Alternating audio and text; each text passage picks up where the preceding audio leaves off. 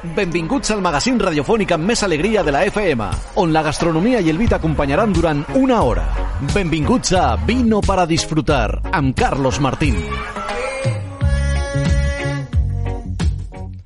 Muy buenas noches, queridos amigos. Aquí un jueves más, cuando son las 8 de la noche, al carrer Roc Brunach 67 del Poblano de Barcelona. Y hoy estamos absolutamente eh, aquí rodeados de amigos. Tenemos a Alejandro Sales, como siempre. Ha venido también eh, Alberto López y Sandro de Sí, que ahora hablaremos con él, que es un crack de, de la gastronomía, un fabricante de los que, bueno, de los pocos excelentes del mundo que además pasan el, el nivel según Alejandro Sales. Y de los pocos con criterio. Exacto, exacto. Porque hay tan poco criterio hoy en día que tenemos la suerte de tener un producto que pueda hablar yo bien. Muy bien. ¿Qué es criterio? No lo sé. No. Bueno, bueno, no empecemos, no Eso no lo empecemos. sé. un momento, un momento. Y ahora rápidamente vamos a entrevistar a Pa- Pa- Paula Uribes, que es una mujer eh, que tiene una bodega impresionante en un pueblo que se llama Huete, que está en la provincia de Cuenca, está, concretamente está a 50 kilómetros de la, de la capital. Y ahora os cuento la historia. Resulta que, que a principios de este mes, a principios de febrero, se produjo en Barcelona la, por primera vez la primera feria de la Barcelona Wine Week. ¿Por qué? Porque antiguamente todo el mundo del vino estaba dentro de alimentaria. Entonces se, celebra- se celebraba la feria alimentaria y estaban ahí, pues había pabellones de todo tipo. Pero eh, este año, por primera vez, se decidió que se, se, mm, separaba la parte del vino y montaban su propia feria, ¿vale? Entonces le pasó una cosa muy curiosa y es que, bueno, yo fui allá a la feria con unos amigos, con, con Josep Casas, que en el próximo programa ya vendrá con nosotros otra vez, y nos, iban- nos fueron presentando gente y una de las personas que me presentaron fue eh, correctamente a, a Rosa Godoy. Rosa Godoy y su marido, Antoni Beso, tienen una tienda, un fenomenal, una tienda fantástica de vinos en Viella. Que es una- yo no he estado en esa tienda, todo el mundo que me ha hecho dice, hombre, por favor, dices una, una tienda que tiene un montón de vinos y saben un montón de vinos. Bueno, pues fue en Rosa Godoy la que me dijo, oye, mira, tienes que probar este vino. Claro, en la feria del vino, pues al final, bueno, fuimos allá al, al, al stand donde, donde estaba Paula Uribe y me enseñó el vino. El vino se llama Opta, o sea, O-P-T-A, como optar, como el verbo optar a algo, ¿no? O opto a no sé qué, o elijo, opto, opto por. Bueno, Opta, y es un vino que realmente es eh, excelente. Está buenísimo y además tiene un precio, es- estamos hablando de un vino de unos 9 euros y es realmente fantástico.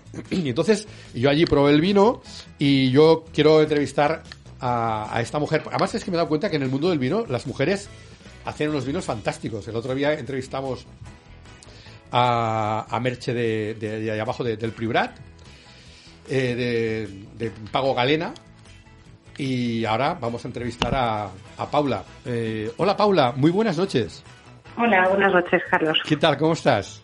Muy bien. Bueno, ante todo, oye, darte las gracias que hayas tenido la, la amabilidad de, de aceptar la entrevista, que hayas venido aquí con nosotros para disfrutar a este programa y que estás en este momento allí en Huete, ¿no? Estás en Cuenca, allí. Sí, sí, sí, allí estoy. Bueno, pues eh, ya, tal y como he explicado, yo te conocí en la feria del, del Barcelona Wine Week y la verdad es que me encantó este vino que tenéis vosotros, este vino que es el, el Opta, ¿no? Sí, Eh, y este, este es el que tiene, que se hace con tempranillo, Shiraz y garnacha, ¿no? Si no me equivoco. sí, sí, con esas tres variedades. Vale. Y cu- cuéntanos, ¿cómo empezó la bodega vuestra? ¿Cómo empezasteis a esto, en esto del vino? Pues empezamos hace 35 años ya. Fueron mis padres con algo vocacional, de, pues amor a la naturaleza y, y al campo. Y bueno, pues pusieron una viña, se empezaron a elaborar vino de una forma muy artesanal, en tinajas. Y bueno, se engancharon a este mundillo y poco a poco pues fuimos creciendo hasta, hasta hoy. Muy bien, muy bien. Y una, una pregunta, vosotros, la verdad es que me sorprendió tremendamente, ya digo, fue gracias a Rosa Godoy la calidad de este vino vuestro. ¿Y ¿Cómo conseguís hacer un vino realmente...? Porque, a ver, en esa zona, que yo sepa, en, bueno, está la, eh, la zona de denominación de origen de, de Castilla-La Mancha, pero vosotros tenéis denominación de origen propia, ¿no? Sí, ¿Qué sí, es? porque estamos en una zona, es calzadilla. Pa- Pago de calzadilla. Esa es la denominación de origen. Sí, estamos en una zona que no tenemos eh, viñedos cercos, no es una cerca, no es una zona tradicionalmente vitícola, entonces eh, eh, estamos bastante aislados y por eso un adeo propio, ¿no? También pues unos suelos y un clima diferente, mucha altitud y eso hace pues que haya una personalidad distinta y que, y que podamos certificar un origen diferente, ¿no? ¿Y, qué tipo de uvas son los que los que manejáis que, que más cómodos os sentís? Pues trabajamos tempranillo, garnacha, tanto blanca como tinta, tirá, cabernet sauvignon y un poquito de Turiga Nacional, que es la última plantación que hemos realizado de la zona de Portugal. Oye, ¿y cuál es la clave para hacer un vino bueno? Porque vinos ahora realmente hay una, eclosión en España tremenda de vinos, ¿no? Pero ¿vosotros cómo, cómo, habéis logrado distinguiros con, por, calidad? ¿Cómo lo habéis logrado? Pues la verdad es que eso te lo da la uva.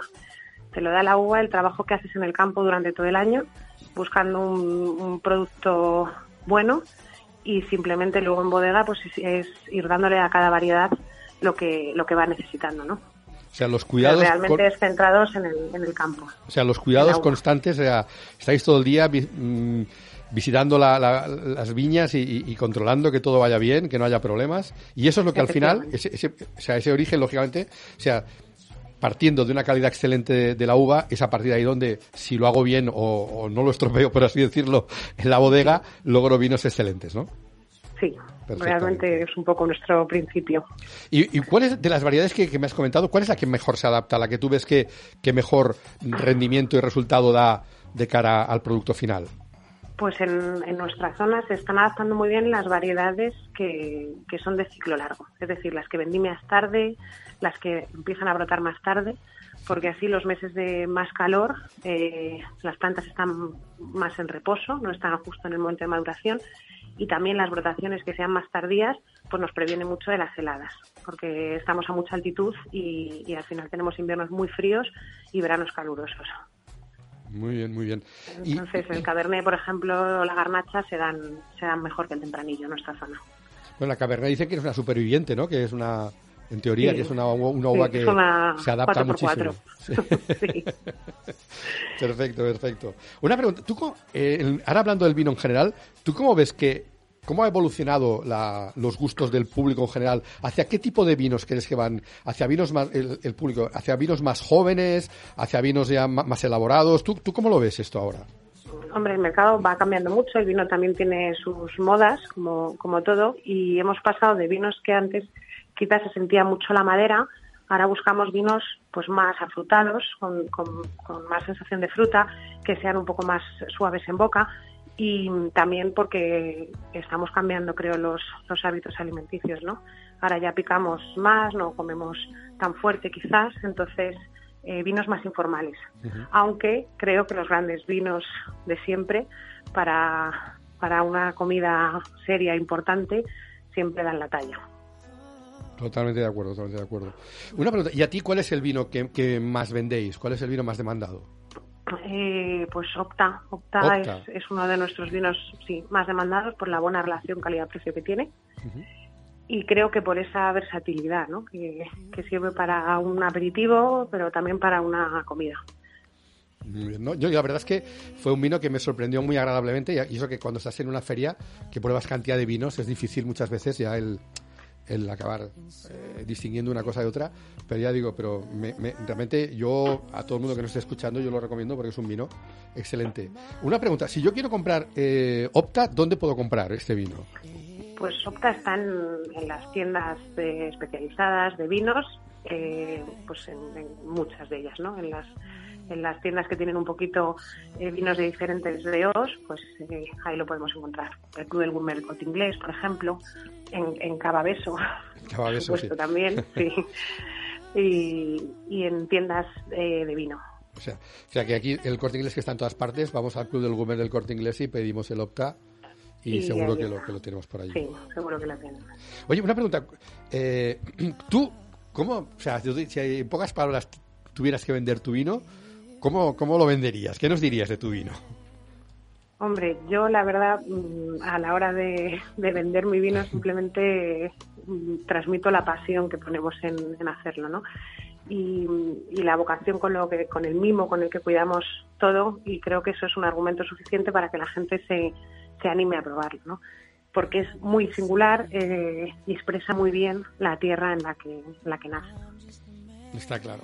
Bueno, yo recuerdo, yo recuerdo haber estado en Cuenca, no está en Huete, está en Cuenca eh, capital, y la verdad es que los platos de Cuenca gastronómicos son, son potentes. O sea, realmente el morteruelo, recuerdo el, el, famoso morteruelo este que es, es realmente rock duro. rock duro, rock duro realmente. Y además hay que, acompañar, hay, hay, que acompañarlo con un vino también, con mucha potencia. Con mucha potencia, con mucha potencia. Oye, y ahora hablando así en general, dejando aparte tus vinos que ya, hemos dicho que son fantásticos, el, el Opta, bueno, y hay otro que es el, el, el Gran Calzadilla, ¿no? Eh, tienes Tienes y otro que se llama Calzadilla Alegro, ¿no? Sí. Son vinos de diferentes, tienen diferentes copas, diferentes. Esos son las, las potencias que hablábamos antes, ¿no? Para acompañar el morteruelo. Exacto, exacto. Los vinos son más, tienen un perfil más, eh, más potente. Y dejando aparte los vinos de tu zona, de tu región, tú si te dejaran escoger otro vino de fuera, tanto de España, del resto de España como de fuera, ¿qué, qué vino te quedarías tú? Pues muchísimos, muchísimos. Eso es una pregunta, eso es una pregunta muy difícil. Muy abierta, muy abierta. Cada, claro, cada zona, eh, cada zona donde vayas bebas lo que hay, ¿no? Porque cada zona tiene cosas maravillosas. Y en España, bueno, concretamente de norte a sur, ahora se hacen vinos increíbles y, y muy singulares. ¿Tú quieres más de vino blanco o vino tinto? Eh, primero blanco y luego tinto. o sea, para empezar, probamos el blanco y después rematamos con el tinto, si es posible, No, está clarísimo, está clarísimo. Oye, pues, Paula, eh, no sé si quieres... Ah, una cosa importante. He visto en la página web que, hacéis cosas de no turismo, ¿no?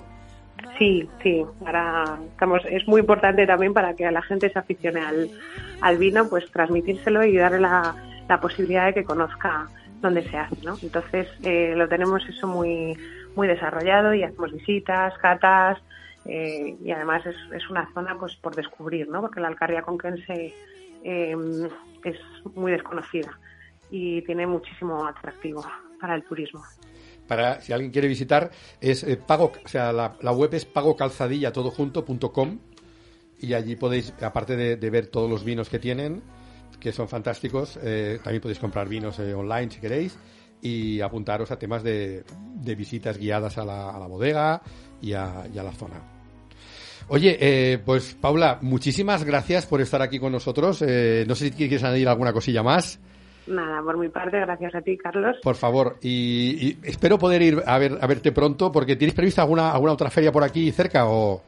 Eh, de momento no. De momento no, de momento te vas a tener que acercar tú por aquí. pues sí, la verdad que ya digo, yo Cuenca tengo unos recuerdos muy, muy bonitos y, si voy a Cuenca, no dudes que pasaremos a verte por allí.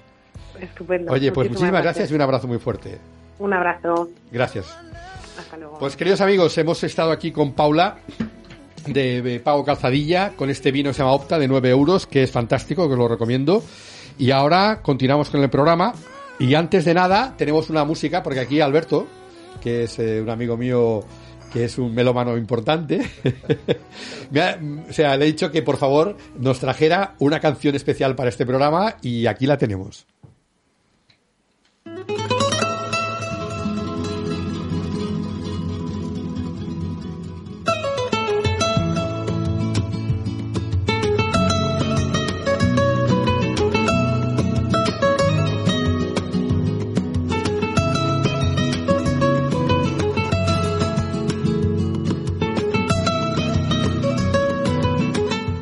Tertúlies, convidats, recomanacions i molt més a Vino para disfrutar amb Carlos Martín.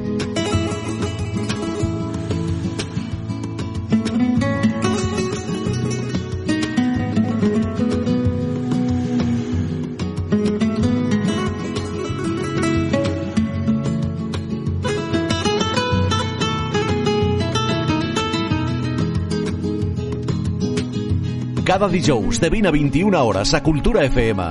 Vino para disfrutar amb Carlos Martín.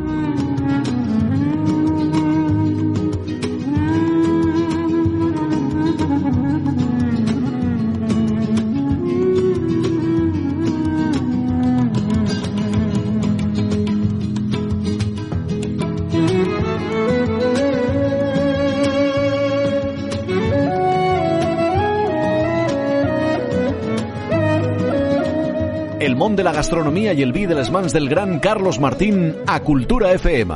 Vino para disfrutar.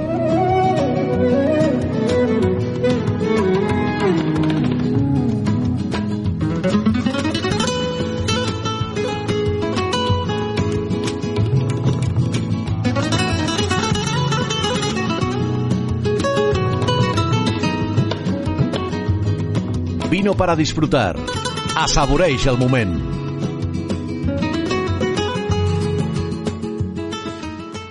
Muy bien, pues esta canción se llama Arles, ¿no? De como el pueblo de Francia que nos ha traído Sí, sí. Alberto. Bueno, y aquí ahora sí que tenemos aquí los micrófonos abiertos.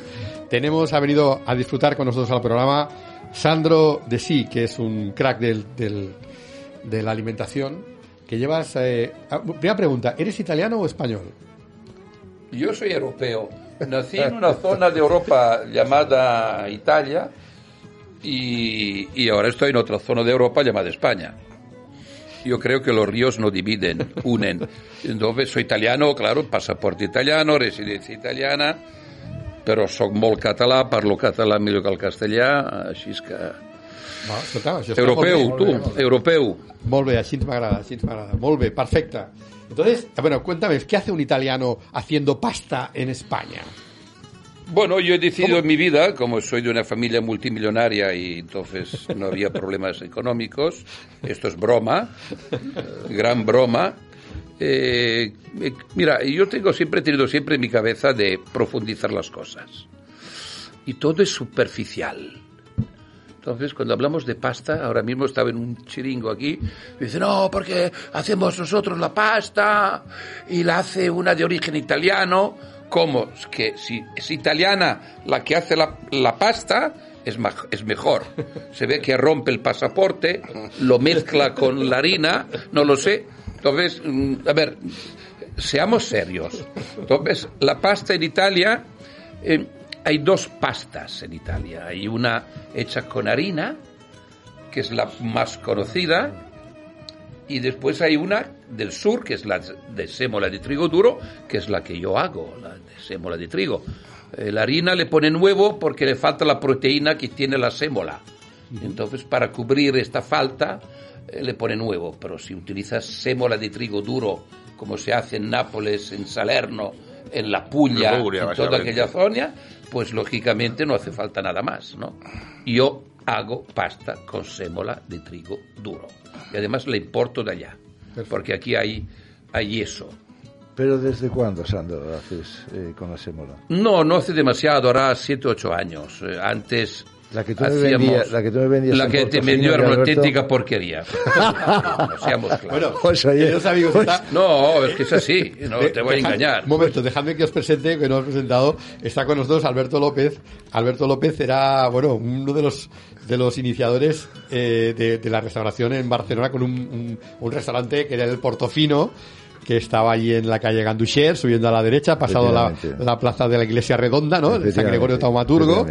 ¿Y quién, quién no ha llevado a una niña jovencita? Porque era un restaurante absolutamente eh, íntimo, un restaurante muy bonito para, para cenar, ¿no? Algo Sí, misterioso, sí. incluso aquellas, aquellas escaleras que bajaban abajo, que no me atreví nunca a bajar. No, no me atreví. No, no me atreví nunca, no.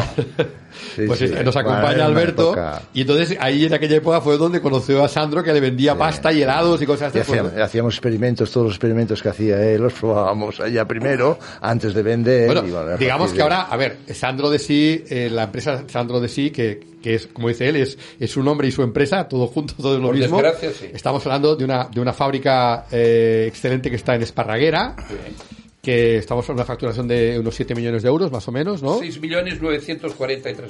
Bueno, va- bueno, venga. No, no, vamos a redondear. sí, redondear. Para que Hacienda Y entonces es un hombre que se dedica a, a sacar productos de, de altísima calidad que se venden para la restauración. No vendéis al cliente final directamente, sino que vais Bueno, a través de... Mi producto está en el Club de Gourmet del Corte Inglés, está en Sánchez Romero en Madrid, por dar un ejemplo, Sí. y unos cuantos sitios más. Y, en- y también está en Londres, ¿no? También está en Londres en Harrods. En Harrods. O sea que son, estamos hablando de productos de, de primerísima calidad y... La única pasta en Harrods que no es, no es italiana. No es italiano. Vale, entonces a partir de ahora ya, por, favor, preguntadle a Sandro. Estamos aquí en, tertulia de amigos, o sea, cualquier cosa. Yo, yo tenía curiosidad por eso, por, por- porque explicaras eh, cómo, cómo empezó todo. ¿Y de dónde te viene tu afición de crear? Es decir, porque claro, yo, per- perdóname, la primera que se me ocurre es decir, bueno, si hago, soy italiano y hago pasta, pues lo más lógico es copiar a los buenos, ¿no? Pero tú, tú eso de copiar, no, tú quieres innovar, ¿no? Sí, yo me gusta primero estudiar el producto en la historia, porque para innovar tienes que ir atrás. Y yo casualmente en la fábrica haciendo las obras encontré un manillar de, de madera, vi una rueda también de bronce y montando estas piezas me di cuenta que en la fábrica tenía un vehículo del tiempo. Entonces, yo iba como Julio Verne, iba al 1700 eh, a ver cómo se hacía el producto. Entonces esto a mí me da una base para poder evolucionar, porque todo ahora está bastante prostituido en general, porque se busca el precio y la rentabilidad a tope, hasta la maquinaria a veces no está ni en condiciones.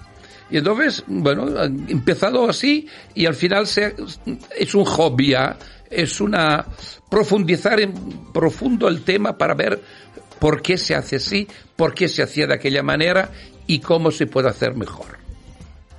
Soy así.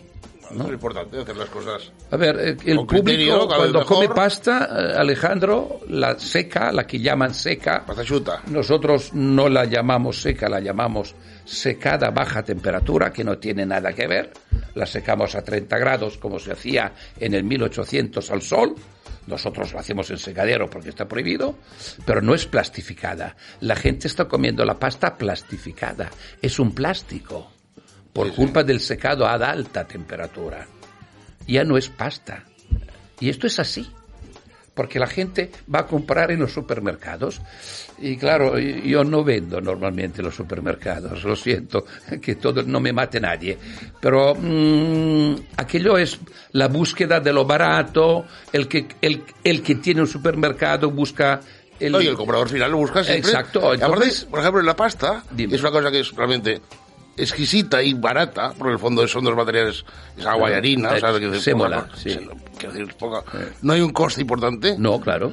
La gente busca encima lo más barato. Sí, sí, es Cuando que es podría tremendo. buscar lo más caro y pagaría un euro Sí, más. sí, no, ni mucho menos. Es que es ridículo, ¿no? O sea, es... Ridículo, lo acabas de decir. Una pregunta. En- en- cuando estamos, fabricamos alimentación, ¿la cantidad va en contra de la calidad? Pregunto. O sea, hay un punto en el que cuando... Sí, sí, va en contra de la calidad, por supuesto. Siempre, siempre. El secado mm, automático es una línea de 40 metros, es un horno de 40 metros que cuando se hace el producto, dejando aparte el tipo de harinas que le pongan, entra en este horno, se mueve poco a poco a 120 grados, llega al fondo y hay la máquina envasadora. Esto es un disparate. Y estos, cada línea, el macarrón tiene una 120 línea. grados, Sí, dices, claro, pero tarda 7, 8 segundos. Un disparate, claro. Claro. Y esto es el plástico que la gente come. Sí, no, no, es que tremendo. Pero en Italia, no hablo de aquí, ¿eh? hablo en Italia, estamos hablando, es lo mismo. Sí. Seguramente marcas, que no vamos a nombrarlas, No, claro. menos, pero muy conocidas que llegan a este punto de... Son todos iguales. absurdo, Claro, ¿no? porque el sistema es este. Y no entonces no hay, no hay diferencia. O sea, ¿no, Entre- no dime. te has, no te has propuesto vender a Italia? Estamos empezando ya. Estamos empezando a vender a Italia. No la pasta, es el helado de momento. Bueno, y- pero sería, mm, Y de momento, ¿dónde podemos comer tu pasta? de momento, aquí en Barcelona. Aquí, sí. Bueno, en varios. No en restaurantes italianos, normalmente. El italiano mm, dice que compra la pasta barata, le hace una salsita fresquita y van dando que ya va. Y ya no hay problema porque aquí la gente no entiende y entonces hay que hacerlo así. Y entonces, claro, mm, una pasta que es porosa porque no está secada ad alta temperatura, además se necesita casi la mitad en una ración. Una pasta industrial son 100 gramos por persona normalmente. Estamos, estamos hablando de 40 gramos, 35. O sea, La tuya llegas a Claro, claro. 40 entonces- 50 gramos, sí, una relación de exacto, 100 gramos. pero el rendimiento la gente no lo mira. Porque el tema de hacer los escandallos es que, bueno, esto es una palabra, una palabra rusa, el escandallo. Es la más importante del restaurante. Me explico, es que el escandallo aquí se hace mojando el dedo de la mano derecha, levantándolo y di- diciendo, ¿a qué precio lo tiene la pizzería de 100 metros que hay allá? Pues yo le pongo un céntimo más caro. Esto es el escandallo. Es que es tremendo. Y entonces, es lo que decías tú, a ver, el coste es, Es que es mínimo. ridículo. No, entonces, Ponle un producto de alta calidad, no hay manera. No, hay no, claro, manera. si estuviéramos hablando de un producto que es caro de por sí, pues lógicamente pues hay que mirarlo. Claro. Pero claro, estamos hablando de un producto que es de coste de producción muy barato y es un poco lo que pasa con el café, siempre lo digo. Igual, igual, Porque exactamente en los igual. restaurantes y los bares tienen Sí, señor. la tendencia a dar un café infecto. 7 Porque vale- gramos por infe- café, siete gramos. aunque valga no 40 sé, euros. Es igual. No es nada. Vale, O sea, es pues venga, tremendo. Venga a dar unos cafés que te machacan Y mal hechos, además, Mal hechos. sean buenos, Bueno, esto mal ya hechos. ni te cuento, ¿no? Déjalo, sí. Pero con las cafeteras estropeadas, Sí, sí, lo que tú y un café de, para salir corriendo. Bueno, y o sea- la pasta le pasa un poco lo mismo. O sea, que Sí, sí, sí, el coste del producto producto, usa lo mejor. Yo siempre digo que, por yo tengo amigos que, por ejemplo, también son aficionados a, a- a cocinar y a hacer paellas y cosas de estas. Y entonces, traen, pues dice, vamos a hacer- realizar una paella, compran unas gamas espectaculares, unos lenguados, bueno, la- calamares buenísimos y todo esto, y un arroz. El- Dice, el más tirado El más tirado. Digo, ¿tú estás loco? Si lo importante es el arroz, lo demás, oye. Y la pasta pasa supongo, de y claro, cuando estás Sí, señor. en la, en la Puglia, un sitio de estos, que es una, una nona que hace la pasta a mano, y esto es hay otro mundo, completamente. Sí, pero fíjate una cosa, la pasta a mano, a ver, solo la puedes hacer con harinas. Sí, claro. Con la sémola, que es dura, es como una arena de playa, no la puedes trabajar a mano. Esta es la diferencia. Y entonces hay que tener caballos eléctricos, mm, amasadoras, para poder deshacer aquel claro. producto que es el trigum durum, que no tiene nada que ver con el trigo blando, ni en precio ni en calidad. Pero esto entonces entras en un mundo que la gente, y hablo de Italia, eh, continúo hablando de Italia, no, No lo lo sabe. sabe. En Italia no lo sabe. Tienes muy poca producción de entonces. de- Poco, cada vez menos. sí, ¿no? Cada Claro. vez Pero menos. si lo bueno cada vez. bueno, Porque Lo bueno cada vez Los campesinos, por desgracia, buscan el rendimiento. Y entonces no entienden que en una hectárea un trigo duro a lo mejor sale un 30% menos en cultivo, pero lo puede vender mucho más caro. Entonces van a lo Bueno, barato, igual estamos- van a lo barato. Y, y empezamos a la origen. Sí. Es una falta de preparación cultural también. Y Sí, de cariño hacia la tierra. Y de pues además tampoco en, en España no hay una demanda de trigo duro. No, hay, tampoco no este hay. punto de que tú hablas del conocimiento de la pasta de sémola. Sí, yo lo he probado, pero es decir, no es un- una cosa habitual, ¿no? Es decir, claro, claro. se escapa un poco de, Sí, sí. de la ortodoxia. No de la ortodoxia, no. O sea, la ortodoxia sería esto. Pero como somos tan poco ortodoxos, nos vamos a, a cosas lo que dices tú, estas... Yo no podía hacer un producto como todos los demás, porque entonces entro en una rueda de precios, de Sí. historias, Entonces, que no me interesaba entrar. Tenía que hacer algo sublime. Tengo que probarla, no la he probado la tuya, o sea, quiero decir... Yo tengo ganas de ver un No paquetito. pruebes, no no la pruebo, mejor que no, ¿eh? Mejor hablar de ella, pero sin probarla, ¿no? No, pues óyeme, Alejandro, yo la he probado hoy al mediodía y Sí. exquisita. Seguro. Después hay que saberle bien, claro. por ¿Y tiene el mismo Claro. tipo de, de, de cottura o no? Mira, el- la palabra tiempo en cocina no existe. No, pero si hay un tipo de cottura. Bueno, sí, a pesar de que en, la- en el cartón pone cuatro minutos. Sí, claro, no, pone un poco más. Pero más tarda a cocer, más buena es. O sea, que esto quede claro al consumidor. ¿Cómo, cómo? Más tiempo tarda a cocer, más buena es. Porque el trigo es duro. Ah, bien. Tarda a cocer, a hervir. Tarda a cocerse. Si tarda un minuto, Es que ya- entonces algo hay, no puede ser, no es calidad. Hay industrias que han sacado pastas ah, de dos minutos eh, y esto no es normal, me explico. Entonces cada uno busca, ¿queréis tiempo? No es calidad, el tiempo va en contra de la calidad. Esto siempre está. Siempre. Siempre. Una no hay ningún caso que sea al revés. ¿Te imaginas un arroz que tarde dos minutos en hervir? que es primo hermano de la pasta, no Sí, te sí. olvides. Y ¿eh? algunos se lo pones en el microondas y ya sale ahí. Exacto. Que da miedo aquello, ¿eh? Bueno, Sandro, cuéntanos, ¿y qué tipo de pastas hacéis exactamente? ¿De, de qué tipo de- Nosotros, con siempre la sémola y trigo duro, hacemos pasta secada a baja temperatura, que es la que habéis, que habéis probado. Después hacemos pasta fresca. Y después hacemos toda clase de pasta rellena con sémola de trigo duro, que en Italia no existe. Pero estamos no hablando existe, entonces de todo el tipo de pastas, espagueti, Sí, sí, fettuccini, sí, sí, sí. tagliatelle, todo. todo, todo, todo, todo, sí, sí. Y entonces la rellena. La rellena es pasta de sémola también. Que esto es que debe ser Claro, ¿por qué hay que ponerle harina? No, no, no. Entonces, la gente alucina, dice, hombre, porque, hombre, todo el mundo le pone, no, no, todo el mundo no, yo le pongo sémola. Pero he tenido problemas con la maquinaria, porque no me cerraban bien los raviolis, Sí. la maquinaria es italiana, Y Y, llamo a pensado- Italia y digo, oiga, es que... Dice, claro, usted utiliza sémola, tiene que utilizar harina. Bueno, pues no. O sea, empezamos así en Italia, ¿me entiendes? Y luego, y luego para los que tienen colesterol, creo que ponen la pasta omega 3. Omega 3, le ponemos omega 3. Ahora hemos hecho una, y por favor no gritéis, que estamos en la radio en directo, con masa madre. Caray. Sí, claro. Y hacemos pasta que no necesita hervir. Se hace a la plancha. ¿Nunca habéis probado unos espaguetis a la plancha en crudo? No, hombre, Son hombre, alucinantes. ¿Pero dónde vamos a probarlos? Bueno, esto ya, si rezáis cada día, y hablaremos. Hay que rezar. Hay que Pero rezar, bueno. la hacemos a la plancha, los raviolis crudos a la plancha, En tu choco. en mi choco. ¿Me entiendes? Y en algún restaurante ya, ¿eh? Bueno, pero yo estoy esperando que me digas restaurantes para poderlo probar todo esto. Mm, primero en el choco, que vea el cocinero y que lo haga, porque es otra historia. O sea, yo me he preguntado, perdona, me he preguntado por qué hay que hervir la pasta. ¿Quién lo ha dicho? Ver, ¿por qué? A veces no son cosas que no te las has planteado nunca, pero quizás... Exacto. Hombre, porque comerte aquello que puede parecer unos caramelos No, duros... como- la pasta fresca estoy hablando. Eh, claro. Pasta fresca, ¿por qué no la, por qué la hervimos? Aunque sea un minuto o dos. ¿Por qué? A veces yo creo... Eh, es una pregunta Yo he comido pasta fresca que, que lógicamente se ha cocido y se ha cocido poco también, ¿eh? Sí, claro. Entonces, claro, si está- si no está completamente la cruda- coges y la tiras con un poco de aceite a la plancha. Le pones cuatro gambas, no sé qué, las salteas un poco Sí. y a comer. ¿Qué Nada de pasa? brodo ni nada. Nada, brodo nada, ¿qué brodo? No, no, brodo, el brodo ti fai Oh, un cristere, oh, como dicen en Italia. No, nada de brodo, no, no, nada. Nada, Si no vamos a Asia y ramen y todo eso. Sí.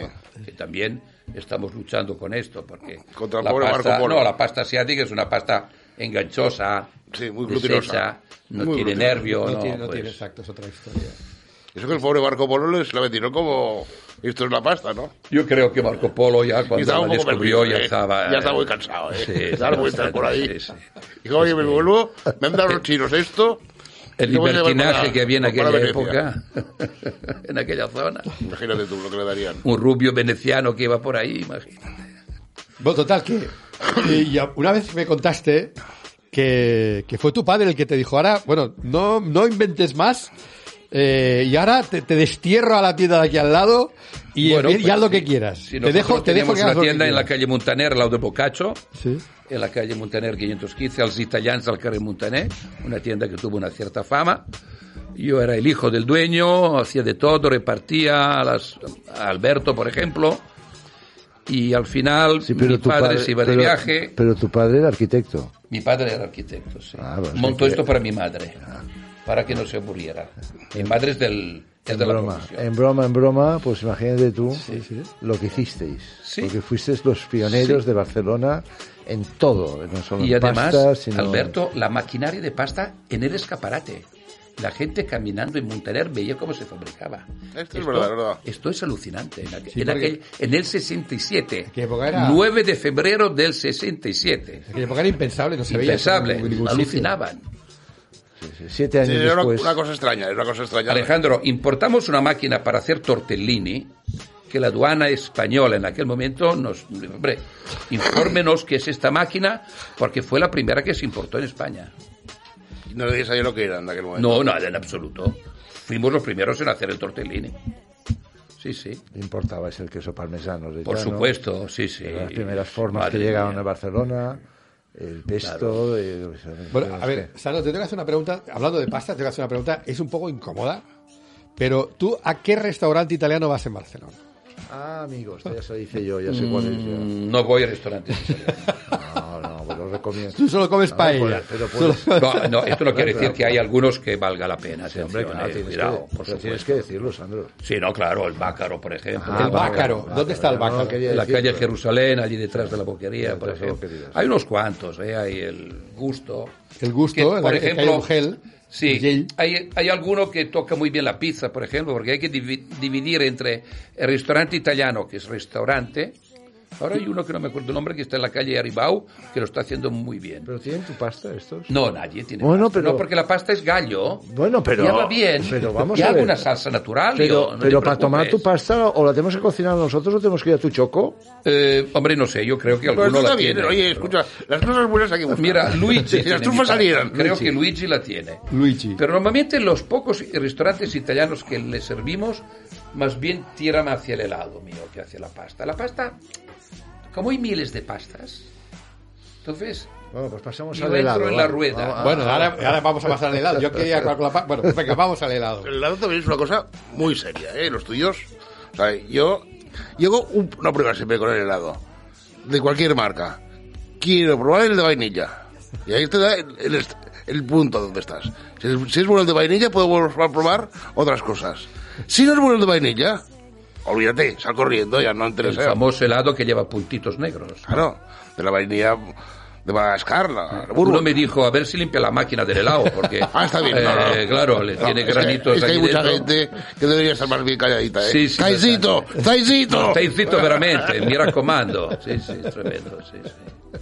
Es que Yo, yo el otro día, yo vivo al lado del Paseo de San Juan. Sí. Y un día iba caminando eh, y iba con mi mujer y, y vimos heladería italiana pequeñita, recién abierta. Eso sí, era, era una decoración monísima, era todo como antiguamente, o sea, todo era... Pero, y había cola, había cola. Y probé el helado, yo, a mí me gusta, igual que tú pides el de, el de vainilla, normal, yo en el chocolate, el chocolate normal, digo, hombre, es un punto también, el más básico, es más, más- más fácil. Y probé el chocolate y estaba horror- horroroso, pero una cosa que... Ahora, había una cola tremenda. Eso sí, ya Claro, digo, los tíos no vestidos con ¿eh? manteles, o sea, perdón, manteles, con Las delantales colas, blancos, Carlos, impecables. Las colas, Carlos, no tienen nada que ver con la, con la calidad. Pero hay donde hay mucha cola, Perdona. eh, suele ser Hay, malo. hay una, hay una tienda, se llama la Cremerito Toscana, que está en la calle... Sí, Muntaner. En la calle Muntaner, que está... eh, Lo hacen francamente bien.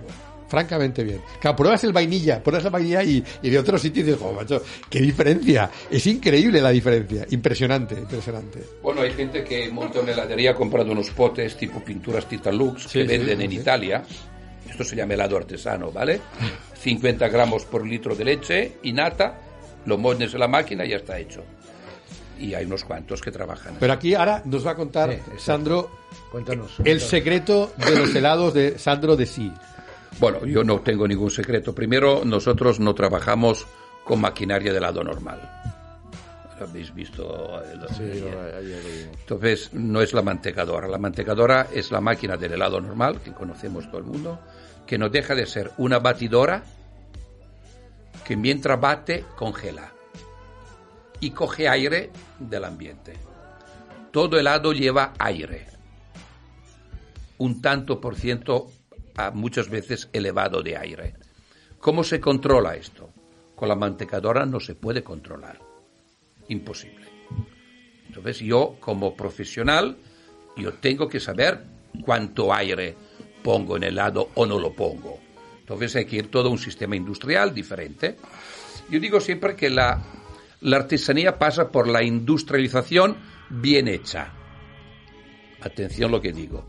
Porque yo tengo las máquinas industriales, llamadas freezers, que si quiero abro el grifo del aire y el helado pesa 425 gramos, que la ley lo permite. Ley, la ley española, europea, permite, se vende a volumen el helado, no a kilos.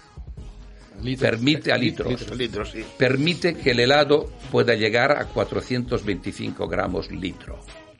Esto es un engaño. Súper ligero, o sea, levita. Muy ligeros, sí. claro, imagínate. Es el ice cream americano, ¿no? Y entonces, este es la, la engaño importante. El helado que fabricamos nosotros en Sandro Desi es un helado que pesa kilolitro. O sea, hay un problema a veces de manipulación si no se controla el frío. Pero es que el helado nació así. No nació con aire. Nació el aire helado. lo inventó el americano Ice Cream, que puso en, en- claro, y esto es Cream, un gran ¿no? negocio, un enorme negocio vender aire a precio de helado. ¿Eh? Sabéis que el agua y el aire son dos grandes productos que se utilizan en la industria en general, porque no tienen ningún coste. Y entonces hacemos un producto diferente, espeso, mm, de muchísima calidad, con productos naturales, no compramos aromas, ni todas estas historias, y vamos a la búsqueda en todo el mundo de lo mejor. Por un porque Pero escogido yo, hacer yo- esto. yo los he probado reiteradas ocasiones tus helados y realmente hay un punto muy importante diferenciar en- entre otras marcas. Encuentro que es otra cosa. Pero es que las, ma- las No, marcas esa- van a aire, van a esencia. eh, los- algunos buenos restaurantes, ahora ya quedan muy pocos, pero por ejemplo en, en Francia y, Par- y sobre todo en París, que había unos restaurantes serios que salían a hacer helados, Sí. Eran muy buenos aquellos helados también. ¿eh? Recién hechos. Recién hechos, sí. Siempre. El, el helado recién, Recién hecho es hecho. bueno, pero no lo conserves nunca. Este es el problema. Entonces allí va la diferencia. Yo mi helado hay veces que lo estoy vendiendo y tiene seis meses de fabricación. Pero claro, es toda otra historia para fabricar esto. Claro, hacerlo y venderlo al momento, que es lo que hacen las heladerías, esto es muy fácil. Y no es malo un helado recién hecho, pero déjalo en un congelador y pruébalo el día siguiente. Esta es la clave. Quiere decir que cuando más tiempo está el congelador va perdiendo. el helado fresco es bastante bueno en general. Si lo congelas ya ves el que es bueno y el que es malo. Ya. Por eso el suyo parece ser que no le va a llamar helado. No. Bueno, estamos intentando quitarle nombres. Es una primicia, es una Ay, ay, ay. primicia Sí, que ya veremos. Pero esto es un, salto, un triple salto mortal en el aire, Bueno, ¿no? es aquello que dices que yo en el fondo fabrico productos muy normales, que es pasta y helado, y yo quiero que sean extraordinarios. Entonces, ¿cómo los llamo? Porque la gente cuando vamos a vender a un restaurante, otro más que vende helados. Hoy me han pasado cinco que venden helados. Es que no vendemos helados, es claro. Yo hago cosas, el último que hemos hecho es un sorbete de piña con cilantro. Hacemos una línea de helados, cremas heladas con aceite extra virgen, sin leche. Y subrayo la palabra, sin una gota de leche. Solo con aceite. Solo con aceite. ¿Quién lo hace esto al mercado? Pero aceite virgen extra. Sí, no, Sí, de sí, cosecha temprana además, sí. Porque yo soy, soy un friki, cosas. soy un friki No, no, perdona, aceites. muchas ganas de Alejandro. probar todo esto. Estuvimos, eh, ayer estuvimos en, Friki te pienso en- yo, friki comiendo, ¿eh? en Pero fábrica, estuvimos en fábrica y vale la pena verlo. ¿eh? Sí, sí. Vale la pena No, verlo historia. Yo, yo, yo lo que sé es que los he probado, muchos gustos de los tuyos, y realmente los encuentro. Es otra dimensión. O sea, decir, es- se están jugando en otra liga. O sea, Yo no estoy de acuerdo, Alejandro. ¿No? Yo no. Yo considero que tienen mucho más. camino para recorrer.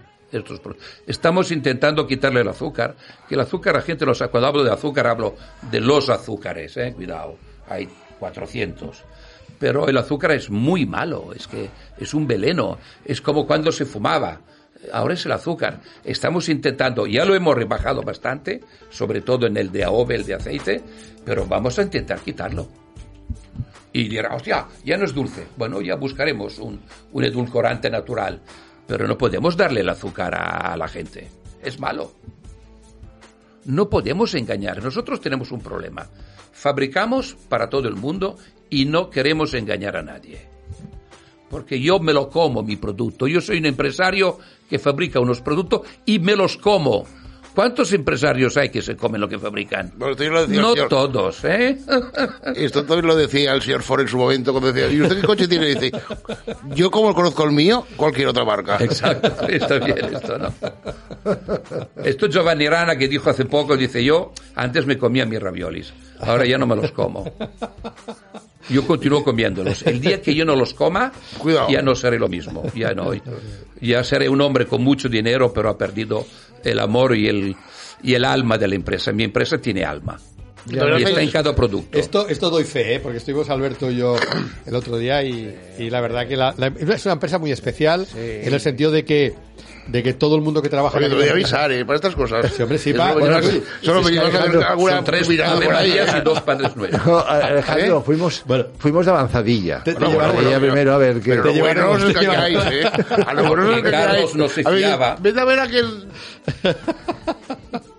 No, no, Yo pues me la verdad que. No, no, es- es, es- es- realmente es muy bonito porque es una fábrica que está en Esparraguera, en el polígono Cansedó, ¿no? Sí, es una colonia textil antigua. Sí. He cogido un palacio de estos antiguos de tres Y plantas. entonces, eh, la verdad es que tú veías a todo el mundo allí y, y, bueno, él, él presume, ¿no, Sandro? Presumía de, que, sí. de que realmente es un equipo de gente. bueno, yo, mi familia, mejor es producto si- es mi equipo. ¿Es mucha gente Es trabajando como en la una familia. Unos treinta y pico largos, sí. Trabajando no. No, disfrutando. Exacto. Nadie trabaja en mi casa. No, no. Nadie. Esto es importante lo que vas a decir. No, no, claro. No, no, es que en serio. el que va a trabajar y cobra por eso, No, sí, ya no, tampoco no. de Es otra historia, es otra Con lo historia. cual, el, el poder trabajar en algo que te gusta es, no es, es- Hace muchos años hubo un, un, emple- un colaborador, digo yo, que aún está trabajando en casa, que en la época dura que hubo, tuve épocas duras, como todo el mundo, le pagaba con un talón el mes y el talón era sin fondo, se lo guardó en el bolsillo, no me dijo nada y pensó, cuando pueda ya me pagará, sin decirme nada. Hace 42 años que trabaja conmigo. un señor, ¿sabes? Claro, claro que sí. Esta es mi gente. No, no. Y esto sale en el producto, ¿eh?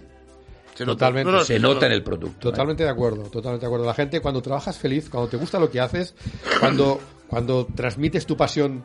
Pero qué complicado está, qué complicado es todo esto hoy en día, ¿eh? O sea, encontrarte personajes como tú, que estás produciendo unos productos de una calidad diferente, ya no vamos a decir Sí, diferente, Es que yo he única, decidido no y ser el única, más rico del cementerio. y única, te das cuenta que... ¿Has oído lo que acabo de Sí, decir? que no que eres el más rico del cementerio. No me interesa. No, no tiene ningún sentido. Exacto. Yo soy rico de nacimiento, lo digo siempre. Pero bueno, a ver, yo. De otras aquí- cosas, Yo quiero salir aquí ahora diciendo, a ver, ¿dónde puedo comprar tus helados? A ver, pero a ver, quiero aquí nombres. Soldeu. Soldeu. ¡Ay! Ahí va. No, yo, los compro. Uy, uy, uy. ¿Eh, ¿Qué soldeu tienes? Soldeu sí. claro. No, yo los compro. Pistas de esquí ¿Ves? de Andorra Sí, Soldeu. Yo los compro. A mí me traen. te los traen sea, espera, te explico cómo. A ver, a ver. Y hay un restaurante, bueno, un bar, donde, cerca de donde vivo, se llama el escocés. Hombre, por favor. eh, Este me abraza cada vez que voy. Y digo, tráeme una... ¿Ah, sí? Guarda uno- de los que me encantan son estos vasitos de, de Sí, turrón. sí, y, de- y entonces de vez en cuando le compro una cajita de, de 10, Hombre. recuerdo, 10 vasitos de estos. Y estos son los que tengo. Ah, muy bien. Mira, aquí yo tengo en Avistec, al carrer Vergós, Sí. Bacallaneria Masclans, Sí. al mercat de Sant Antoni. Sí, o sea, te- tú vas a comprar un bacalao Eso está de bien. salado y compras helado. Es que es otra historia, es que no es el cucurucho. Yo soy, yo estoy en contra del cucurucho. Ah, sí. El helado hay que disfrutarlo en una mesa. El cucurucho, perdona. Bueno, a ver, El cucurucho sí. también tiene... Si la galleta, supuesto. si la Tiene galleta una- es crujiente, Sí, Cucurucho de verdad, eh, es- antes. se tiene funde cosa, sí. y todo el, eso. corte, el famoso corte de nata. Lo tengo. Corte de nata con las dos galletitas que vas comiendo los Alejandro, laterales te hasta que llegas a explico. hacer como un ravioli. Escucha, esta, hoy a mediodía me he comido. Ayer llegué a casa y yo me, com- me compro siempre fruta de estas, de, de Payés, que me lo mandan. De Valencia me mandaron cuatro kilos de naranjas amargas, porque a mí me encanta la mermelada de naranja amarga. Me he hecho ayer por la noche un- una mermelada de naranja amarga, la he traído hoy a fábrica y la hemos comido encima de mi corte de nata. La gente alucinaba. Sí, sí, yo lo hago muchas veces. El, Oh, qué la de nata con, con mermelada de naranja amarga. sí. Exacto, pero no comprada, hecha en casa. Que Bueno, además yo la compro- tarda- tardas media hora, no tardas mucho más. No, pero yo Bueno, la- a ver, tenemos en Bona Massa, al carrer Para, Manyanet 98, Bopan, en la carrer Montaner, Bopan, Travessà de Gràcia, i la botiga Mitjorn, també. Camarasa Formatges, al carrer Santaló 157, Santaló Sí, sí, 157. está cerca, sí. Eh, també Camarasa Fruits, Torres i, i Pujals 48, Carnisseria Blanc, al Mercat sea, dentro del mercado, Sí. una carnicería. Sí, claro. Sí, es Pa- que para, el, para el, ¿cómo se llama? Para el tartar, ¿no? El, el helado de, de- Bueno, Oye, este te- por cierto, por cierto, yo pro- el otro día estuvimos cenando en un restaurante muy bueno, que un día lo tenemos que ver aquí, es el Lecu, Sí, el restaurante Lecu, Sí, sí. que tiene una, sacó, yo lo probé, me dice, ¿quieren probar una cosa especial? Digo, por supuesto.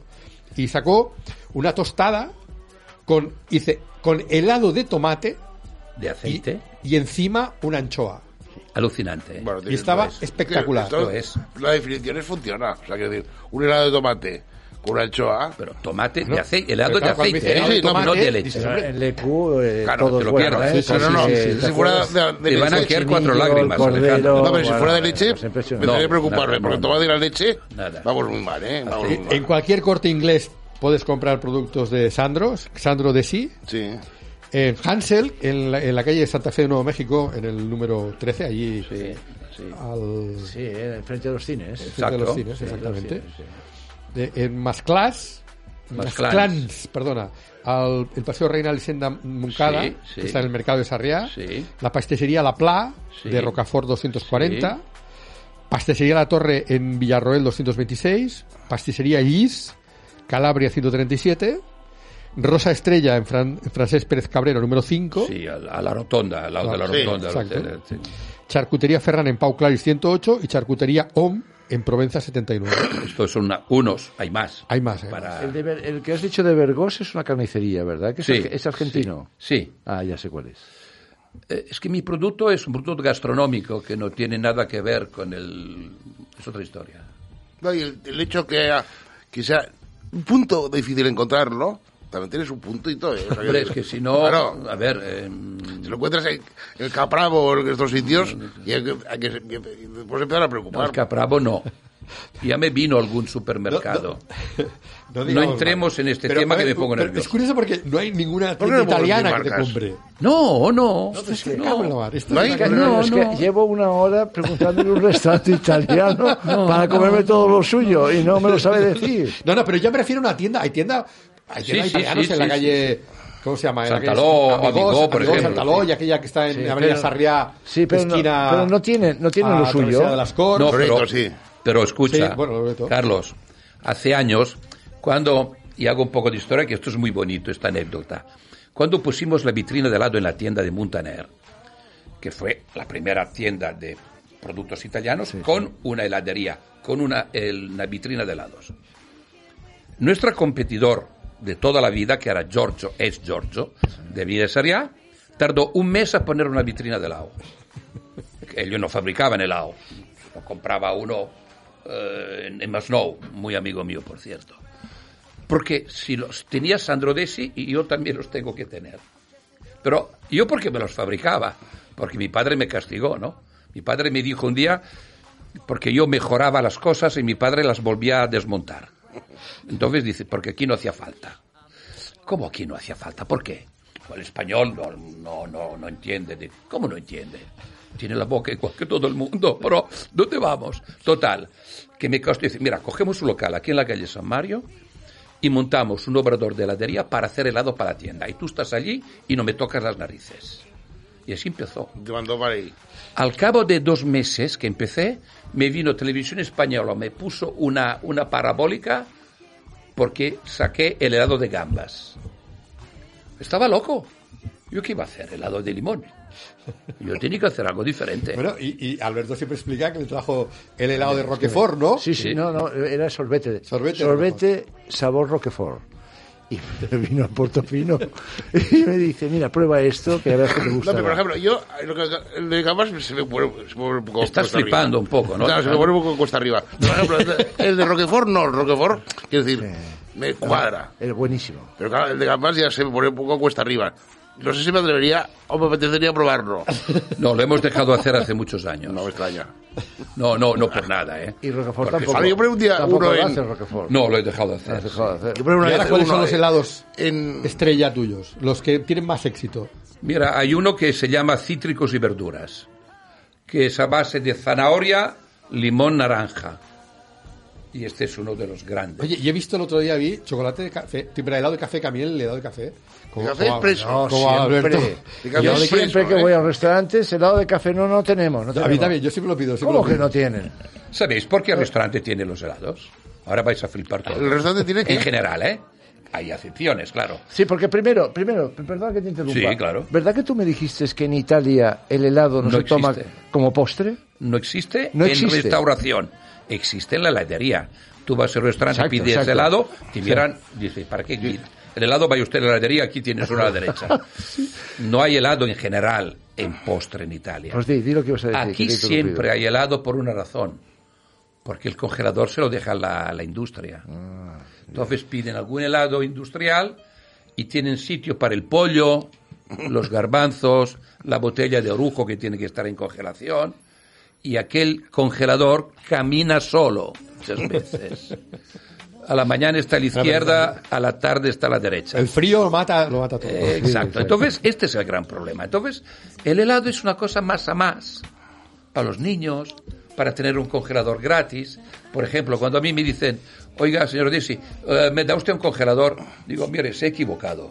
No puede ser cliente. Bueno, helado de café. Helado de café. A ver, háblame de helado de café. Háblame de tu helado de café, porque a mí Hay que esto probarlo, me, me emociona. Bueno, no, no, es que, vamos a ver. Es que a mí... Tengo dos, además. Hay cosas que no las puedo entender. Porque hacen chocolate, helados, de todo lo que les da la gana, y tú ves a buscar un chocolate negro que sepa a café. El trabajo que tienes. Yo lo tengo ¿Chocolate? con ¿Tú- café. ¿Tú también haces chocolate? Yo tengo 12 chocolates. Yo soy un friki de los Tenemos chocolates. que, tenemos que subir más Bueno, hasta la tenemos que más- Tenemos que ir Mirad al vuestra choco. página web. Tenemos que ir al Tenemos que choco. volver porque Tenemos ayer no nos diste nada de chocolate. Hombre, es que Pero ayer es que- una visita... Ayer os dieron muchas cosas, ¿eh? Oye, pero es Ya que- os dieron muchas cosas. ¿eh? encima no os quejéis. Bueno, queridos amigos, eh, yo estaría aquí toda la noche, o sea, pero y aparte me están dando un hambre que, pero bueno, eh, es que se nos va el tiempo, se nos va el tiempo, la hora pasa volando. Lástima, ¿eh? porque hubiéramos Y- tenido que hacer un remember de los años 70. No, Bueno, pero, lo podemos Alberto, hacer, hombre. Alberto, tú tienes que volver, tienes Sí, que no, volver. no, sí, sí. Y Sandro también y hablamos Sí, de otras sí, cosas Sandro también. y- No, y hablamos de la época de la gauche divine en la calle Montaner. Pero y hablamos del Exacto. flash flash, aquí vino, vino este, Sí, los- eh, ¿cómo se Pomés. llama? Eh, o sea, Pomés. Iván Pomés, sí. Iván Pomés, el hijo de Flash. tiene Leopoldo. un helado muy bueno en el Flash Flash, ¿eh? No es tuyo, pero es un mantecado a la antigua usanza. ¿Sabes por qué Sí, río? no sé cuál es. Que la No, la ¿sabes por qué río? Ya te lo explicaré. Fuera del micro. Bueno, caballeros, que se nos va el tiempo y El Jardineto y. Portofino, los únicos de, Sí. De Barcelona en la época. Sí, señor. Sí, señor. Termina, termina, Carlos. Pues nada, no, me- que nada, eh, que nos tenemos que marchar, que ha sido un placer tener aquí a Sandro, que tienes este, estaba, este estudio a tu disposición para cuando quieras. Cada vez que saques una cosa nueva, vienes con nosotros y nos lo Pues cuentas. entonces cada semana. perdóname, Cada semana, pues nada, aquí estaré- estarás con nosotros. Y nada, nos despedimos de todos vosotros, queridos amigos, que nos aguantáis cada, cada jueves aquí. Y lo que siempre digo, si os ha gustado el programa, recomendádselo a vuestros amigos. Y si no os ha gustado, recomendádselo a vuestros enemigos. Pero no dejéis de recomendarnos. Muchas gracias y muy buenas noches. Fins al proper dijous. Bona nit. Bona nit.